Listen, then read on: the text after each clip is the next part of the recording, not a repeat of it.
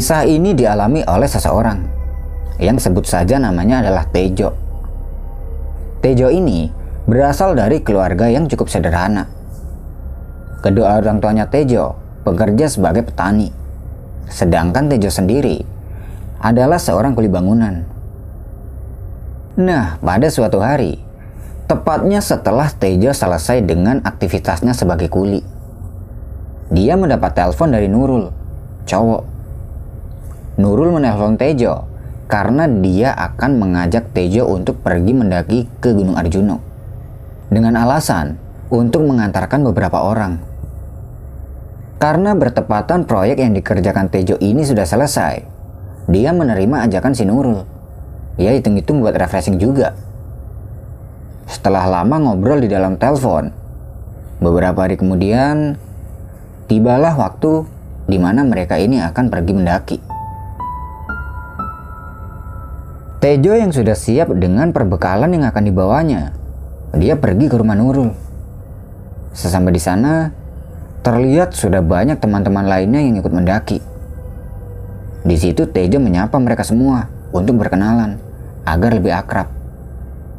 Dan setelah semuanya sudah berkumpul, 12 orang kemudian mengendarai motornya masing-masing dan berangkat menuju ke base camp pendakian Gunung Arjuna via Lawang. 12 orang itu, di antaranya ada 9 cowok dan 3 cewek.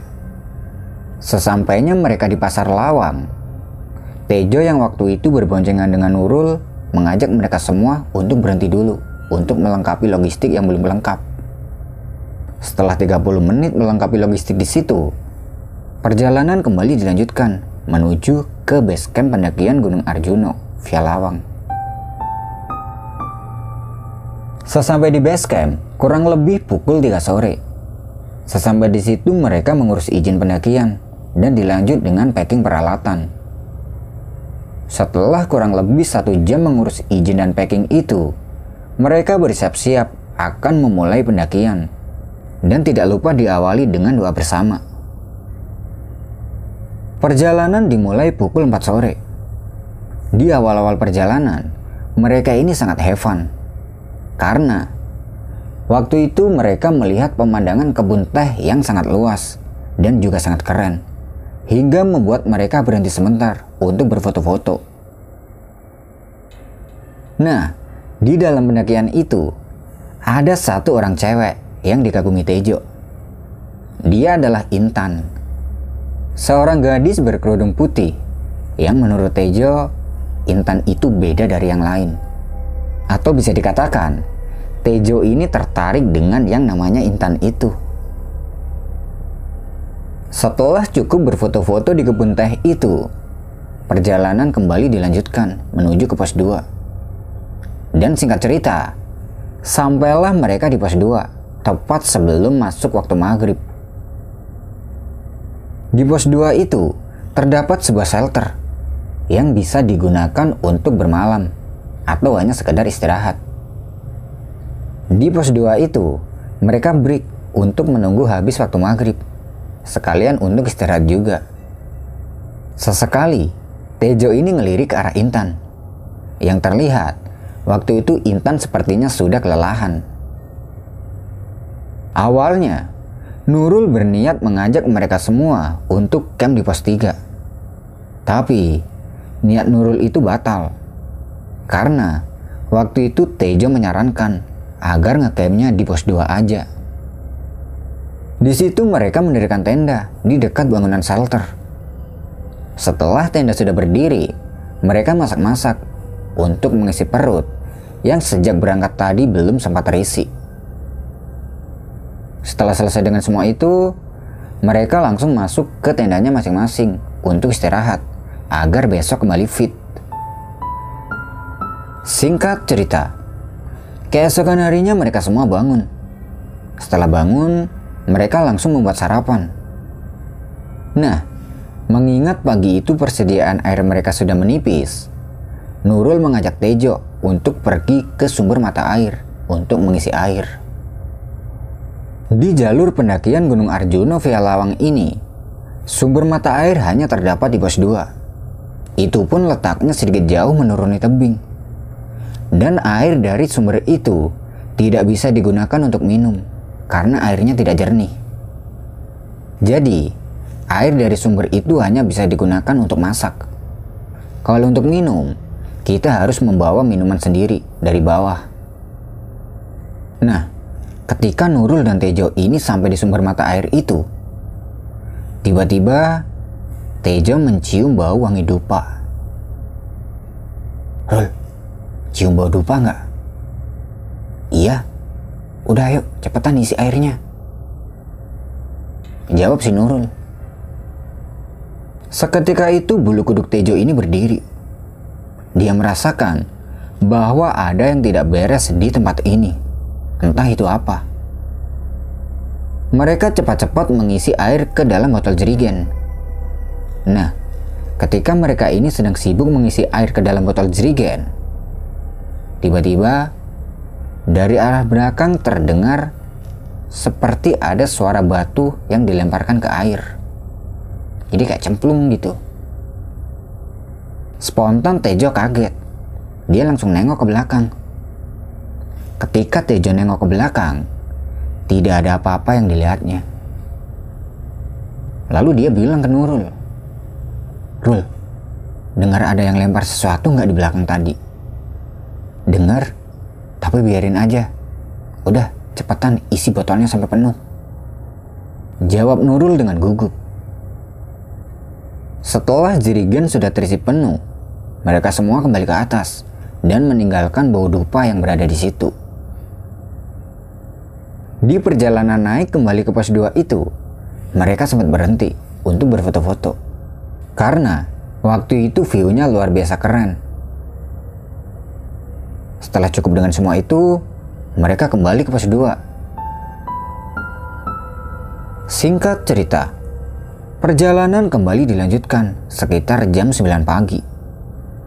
Di perjalanannya itu, Nurul berjalan di barisan paling depan, sedangkan Tejo dia ada di paling belakang untuk memastikan tidak ada yang tertinggal kurang lebih 30 menit berjalan, sampailah mereka di sebuah sabana yang sangat luas dan hijau.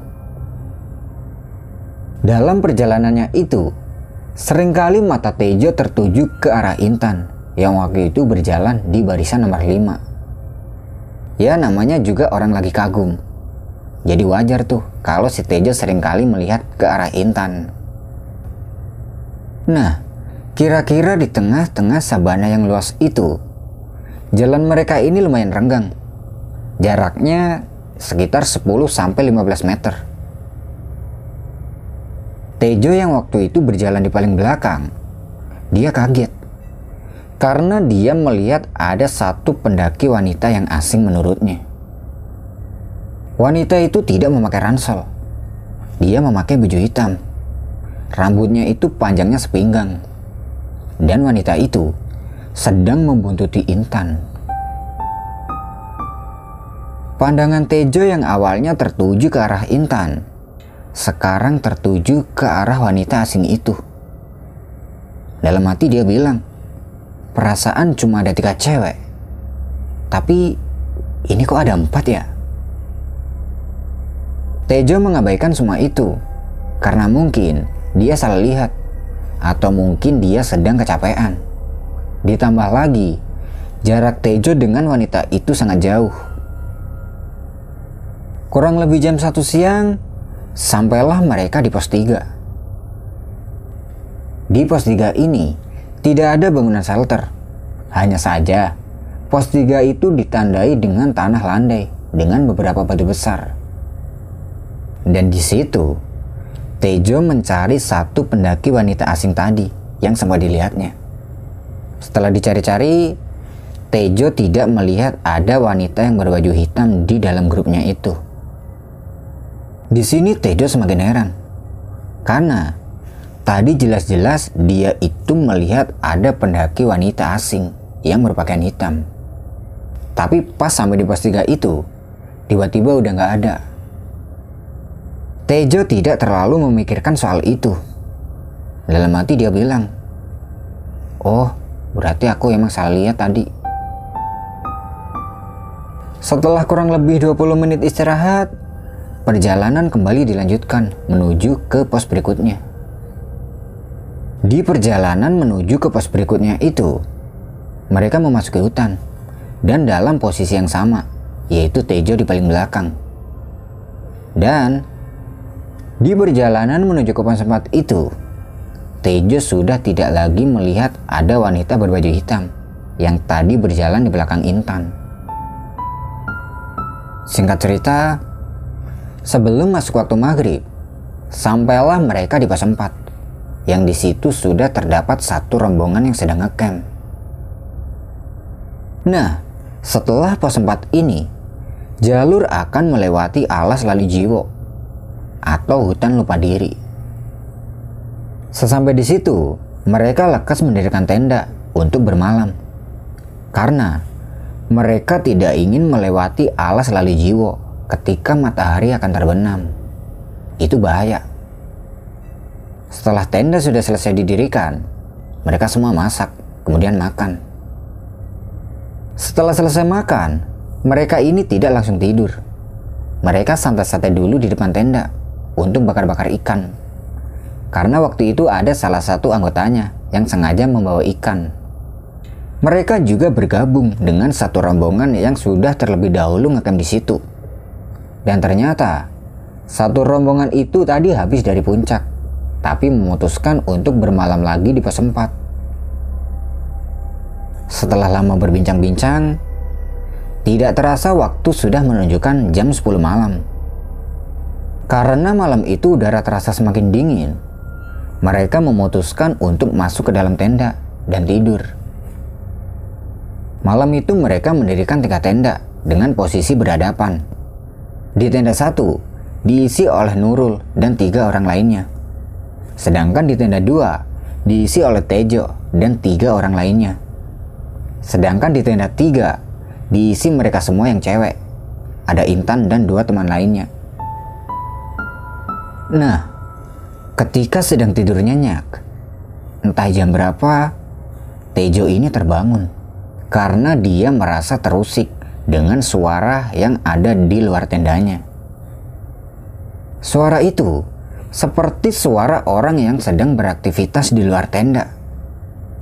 Kedebuk, kedebuk, kedebuk. Nah, di situ Tejo mikir, mungkin ada pendaki yang baru datang. Tejo kembali melanjutkan tidurnya dan mengabaikan suara itu. Tapi Suara itu terdengar terus-menerus dan tidak ada hentinya. Karena penasaran, Tejo duduk dari tidurnya untuk melihat siapa yang berada di luar tenda itu. Dia membuka sedikit resleting tendanya.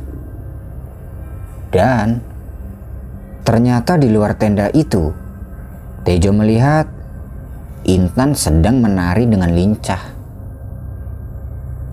Sekilas Tejo tahu dengan tarian itu. Itu adalah tarian khas Jawa Timur, yaitu tari remo. Tariannya itu kurang lebih seperti ini.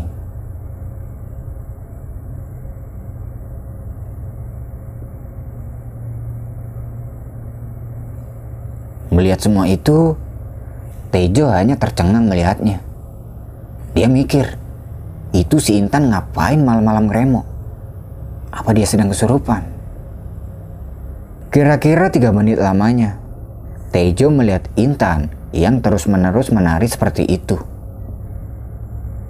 Setelah itu, terlihat Intan ini terduduk. Lama dia terduduk, dan Tejo terus memperhatikannya melalui pintu tenda yang terbuka sedikit. Setelah lama diperhatikan, Intan tidak juga bergerak dia masih tetap dalam posisi duduknya. Karena khawatir terjadi sesuatu terhadap Intan, Tejo berniat akan keluar dari tenda untuk mengambil si Intan. Dan belum sampai Tejo ini membuka seluruh pintu tendanya.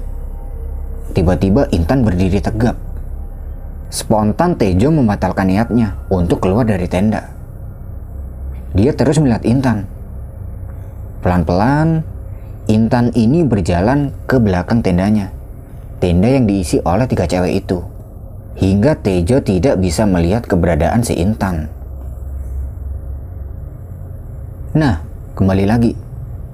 Karena khawatir terjadi sesuatu dengan Intan, tanpa berpikir panjang, Tejo langsung keluar dari tendanya untuk mencari Intan.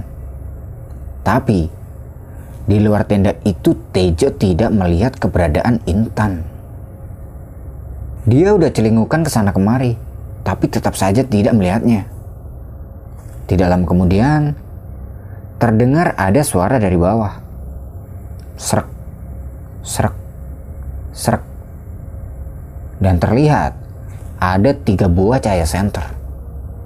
Setelah dilihat, ternyata itu adalah tiga pendaki lain yang baru saja sampai di pos 4. Tejo menyapa tiga orang pendaki itu. Baru nyampe mas. Iya nih mas. Mau camp di sini apa lanjut jalan? Kayaknya camp di sini aja, soalnya udah capek banget. Tiga orang pendaki itu kemudian mendirikan tendanya di pos 4. Karena masih khawatir dengan Intan, Tejo membuka tenda tiga yang diisi oleh tiga cewek itu untuk memastikan. Setelah dibuka, ternyata di situ Intan sedang tidur lelap bersama dua teman ceweknya. Melihat itu Tejo bingung. Perasaan tadi jelas-jelas aku ini ngelihat Intan berjalan ke belakang tenda. Eh, tiba-tiba sekarang udah ada di dalam tenda. Sambil sibuk mendirikan tenda, rombongan yang baru datang itu bertanya pada Tejo. Rombongan dari mana mas? Kami dari Surabaya. Sampai yang sendiri dari mana? Walah, kami dari Malang. Setelah tenda sudah didirikan, tiga pendaki itu menawari Tejo kopi. Hingga akhirnya, Tejo bergabung dengan tiga orang itu dan berbincang-bincang. Karena malam itu udara semakin dingin, dan tiga orang pendaki itu juga akan istirahat.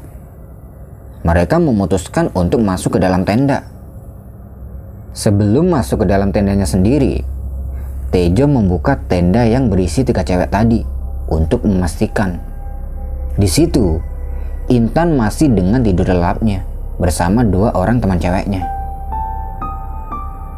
Tejo kemudian masuk ke dalam tendanya sendiri untuk melanjutkan tidurnya. Sebelum tidur, di dalam tenda itu Tejo memikirkan kejadian barusan. Kok bisa ya tiba-tiba Intan sudah berada di dalam tenda? Padahal loh, tadi aku ini ngeliat dengan jelas Intan berjalan ke belakang tenda. Dan aku juga nggak ngeliat Intan ini masuk ke dalam tenda. Akhirnya, Tejo mengabaikan semua itu. Yang terpenting, tidak terjadi apa-apa dengan Intan. Keesokan harinya, Tejo bangun. Setelah bangun, ternyata makanan sudah siap. Jadi bisa dibilang, pagi itu Tejo telat bangun. Setelah bangun itu, mata Tejo hanya tertuju ke arah Intan. Karena dia masih teringat sekaligus khawatir dengan kejadian semalam. Tapi pagi itu Intan nampak baik-baik aja dan sehat-sehat aja. Setelah semuanya selesai makan, mereka semua bersiap-siap karena pagi itu mereka akan melanjutkan perjalanan menuju ke puncak. Sambil bersiap-siap itu, Tejo memberanikan diri untuk bertanya pada Intan. Intan, gimana keadaannya? Sehat kan? Alhamdulillah sehat mas. Jawab Intan dengan keadaan yang sangat fit. Tepat jam 8 pagi, mereka semua berkumpul untuk berdoa sebelum mereka memulai perjalanan menuju ke puncak. Setelah selesai berdoa, perjalanan dimulai dengan posisi yang sama Nurul di paling depan dan Tejo di paling belakang. Ketika akan meninggalkan pos 4, terlihat tenda pendaki yang semalam baru datang itu masih tertutup rapat. Mungkin mereka masih tidur karena kecapean. Sebenarnya, pagi itu Tejo ingin bilang ke Nurul tentang kejadian yang semalam dilihatnya. Tapi tidak sempat. Karena Posisi berjalannya mereka itu sangat jauh. Akhirnya, Tejo menyimpan semua itu dulu untuk menunggu waktu yang pas untuk dia bilang ke Nurul. Kira-kira 30 menit mereka berjalan. Mereka sampai di alas Lali Jiwo. Ini adalah hutan yang fenomenal di Gunung Arjuno. Yang mitosnya, barang siapa yang mempunyai niatan jelek bisa-bisa disesatkan di hutan ini. Sesuai dengan namanya, yaitu alas lali jiwo atau hutan lupa diri. Tapi syukurlah, selama mereka melewati alas lali jiwo itu, tidak ada kendala sama sekali hingga mereka sampai di area Pelawangan. Pelawangan adalah sebuah area yang mempunyai vegetasi terbuka yang letaknya tepat berada di atas alas lali jiwo. Sesampai di Pelawangan itu, Tejo yang berjalan di paling belakang sering banget berhenti karena dia kelelahan.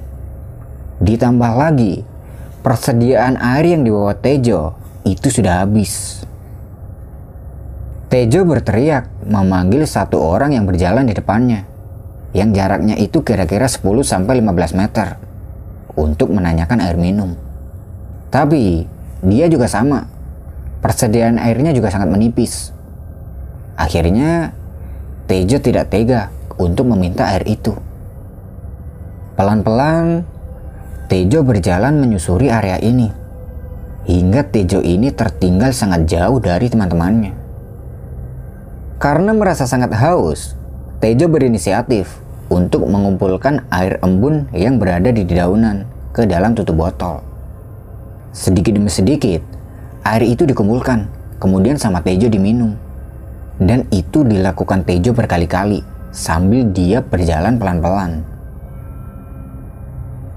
Nah, kira-kira di pertengahan pelawangan itu, dari belakang, Tejo melihat seperti ada satu orang pendaki lain yang sedang naik. Melihat itu, Tejo sedikit lega. Semoga saja pendaki itu membawa air lebih dan Tejo bisa memintanya sedikit. Sama Tejo ditungguin tuh sambil dia duduk di pinggir jalur. Nah, ketika sudah dekat, ternyata satu pendaki itu adalah si Intan. Melihat itu Tejo benar-benar kaget. Karena setahu Tejo, Intan ini sudah berjalan duluan di atas. Dan seingat Tejo, di belakang itu tidak ada anggota lain kecuali si Tejo. Tapi ini kok tiba-tiba Intan ada di belakang? Tejo bertanya pada Intan. Loh, Intan, kok di belakang? Bukannya tadi kamu udah duluan di depan? Iya mas, tadi sempat istirahat sebentar karena capek. Jawab si Intan. Kemudian, Intan memberi Tejo air minum yang dibawanya. Haus ya mas? Ini aku ada air minum, minum aja. Nah, di sini ada yang aneh. Botol air minum yang diberikan Intan pada Tejo itu bukan dari botol plastik, tapi dari potongan bambu. Karena waktu itu Tejo ini sudah sangat kehausan. Tanpa berpikir panjang, Tejo menerima air dari Intan itu, kemudian dia langsung meminumnya. Setelah cukup meminum air itu, Tejo mengucapkan terima kasih banyak pada Intan dan Intan bilang ke Tejo, Ya udah, lanjut jalan lagi mas. Udah ketinggalan jauh sama teman-temannya. Mereka berdua kemudian lanjut jalan di tengah-tengah kabut yang cukup tebal ini. Dan Tejo, dia meminta Intan untuk berjalan di depannya. Ketika sedang berjalan itu, Intan yang berjalan di depan Tejo ini jalannya cepat banget. Sampai-sampai Tejo tertinggal lumayan jauh dari Intan. Sebenarnya, Tejo ingin meneriaki Intan untuk menunggunya. Tapi karena gengsi, jadi dia membiarkannya. Karena saking cepatnya Intan jalan, Tejo tertinggal sangat jauh, hingga Tejo sudah tidak bisa melihat Intan. Dalam hati Tejo bilang, Gila ini si Intan, cepet banget dia jalannya. Gak capek apa? Singkat cerita, sampailah Tejo di puncak Gunung Arjuno yang masih dalam kondisi berkabut.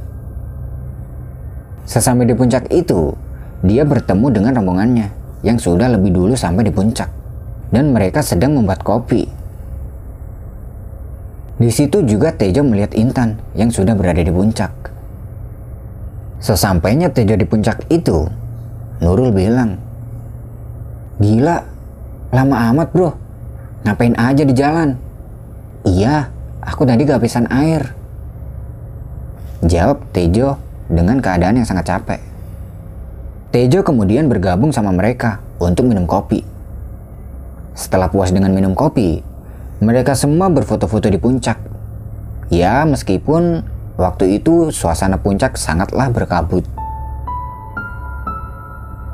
Setelah cukup dengan semua itu, sekitar jam 12 siang, mereka kembali turun dan meninggalkan puncak. Di perjalanan turun, Tejo masih berada di posisi paling belakang. Nah, sesampainya mereka ini di alas lali jiwo Intan yang tadinya berjalan di depan, dia berhenti untuk menunggu Tejo.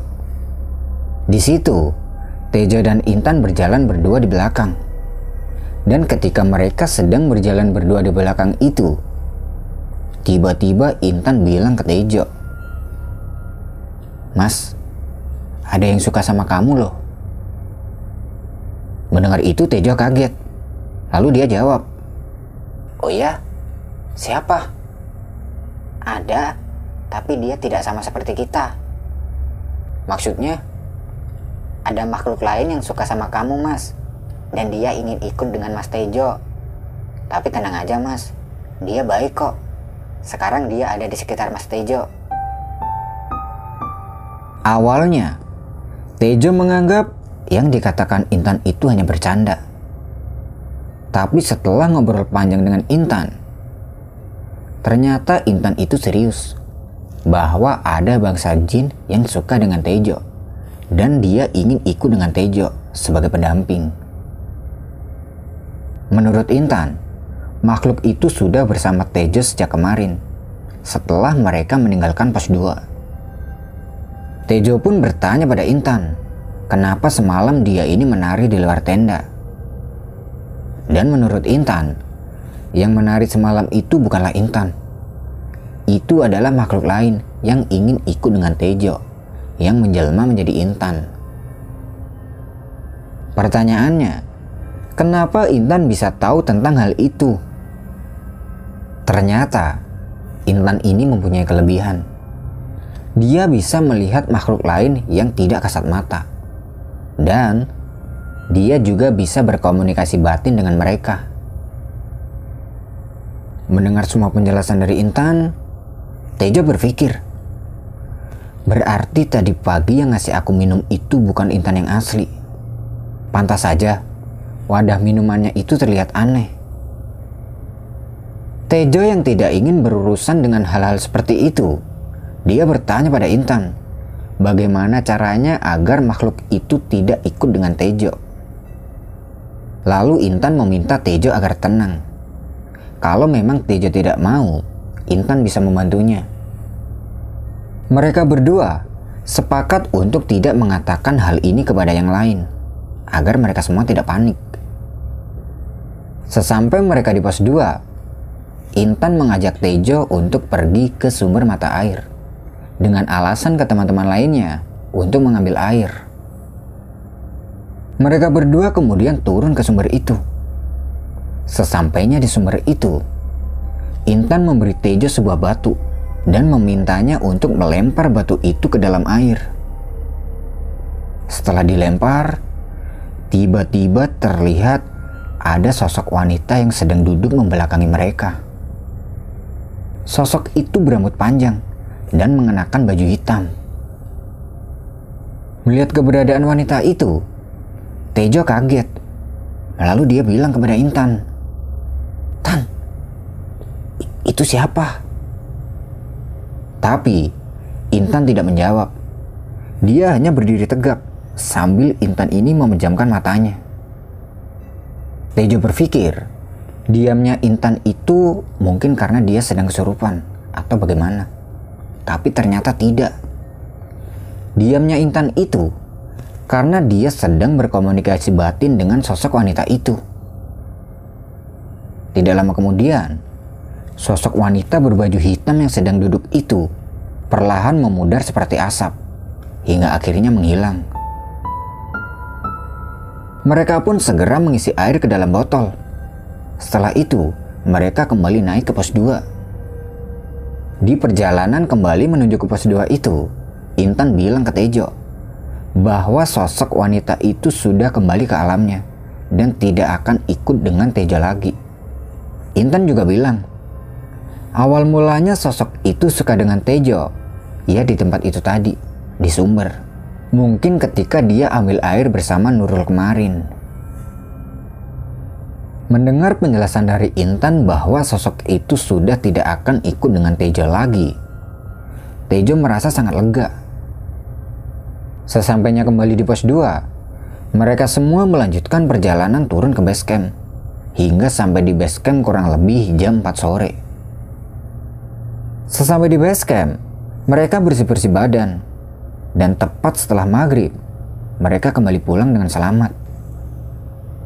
Sebenarnya, kalau saja waktu itu Tejo memperbolehkan wanita itu ikut dengan Tejo, bisa-bisa wanita itu bisa menjadi khodam bagi Tejo. Tapi ya mau bagaimana lagi, Tejonya tidak mau.